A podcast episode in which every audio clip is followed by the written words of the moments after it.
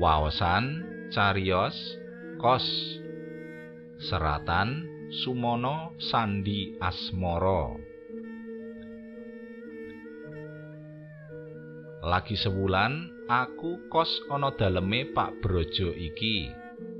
Nanging dosaku kaya wis tambah sak gunung anakan krasa abot banget wong liya pancen ora ana sing ngerti dosa apa sing wis dak lakoni ana daleme juragan cengkeh iki. Tangga teparo mesti uga ora ana sing legewa yen lelakon nista kuwi sak wayah-wayah bisa dumadi. Pancen mung aku dhewe sing ngrasakake yen kesuwen aku manggon ana kene kira-kira wae ora bakal kuat nyangga abote dosa aku kudu pindah kos iku keputusanku nanging apa sing bakal dak nggo alasan supaya bisa metu saka omah mewah nanging samubarange sarwa cengkah kelawan rasa pangrasa iki. Pak Brojo lan Bu Arum garwane mesti bakal nggondeli. Jalaran kekarone pancen butuhake aku. Nanging aku rumangsa kabotan yen kudu mbacutake sandiwara iki. Mula kudu enggal dak pungkasi. Senajan aku ngerti kabeh mau ora gampang.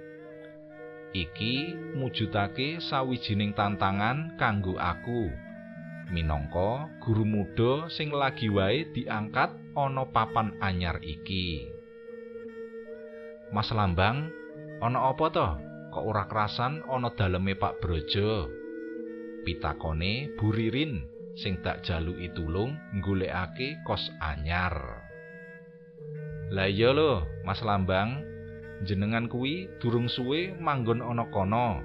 Kok wis arep pindah nalika kos ana daleme Bu Fatimah kae ya mung sedhela ora kerasan supaya bisa kerasan enggal yasa dalem dhewe wae ana kene keluargane diajak merene dadi wis ora perlu mikir perkara mutasi Bu Sinta sing wektu iku lungguh ana sebelahe Bu Ririn urun rembug.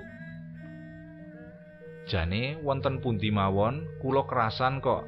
Namung kepingin pados suasana enggal. Sambungku sak kecandake. Mokal alasanku kepingin pindah iki dak buka blak ana sak ngarepe wong akeh. Awit iki kabeh wewadi sing kudu dak simpen primpen. Aku ora kepingin ngelarani atine Pak Brojo sing tak anggap wis kebak tatu. Apa meneh dheweke sak temene uga apik marang aku. Nganti aku kos ana daleme iki ya saka kekarepane Pak Brojo dhewe. Dik Lambang, tinimbang kos ana daleme Bu Fatimah, mbok kos ana omahku wae. Senajan papane prasaja, nanging suasanane luwih tenang. Dak kira cocok kanggo jenengan. Kandane Pak Brojo, wektu iku nalika ketemu aku ana warunge Bu Siti. Inggih Pak Brojo, matur suwun iguhipun. Pancen wonten dalemipun Bu Fatimah menika keramen tumrap kula. Griyane namung alit ingkang kos tiang gangsal welas.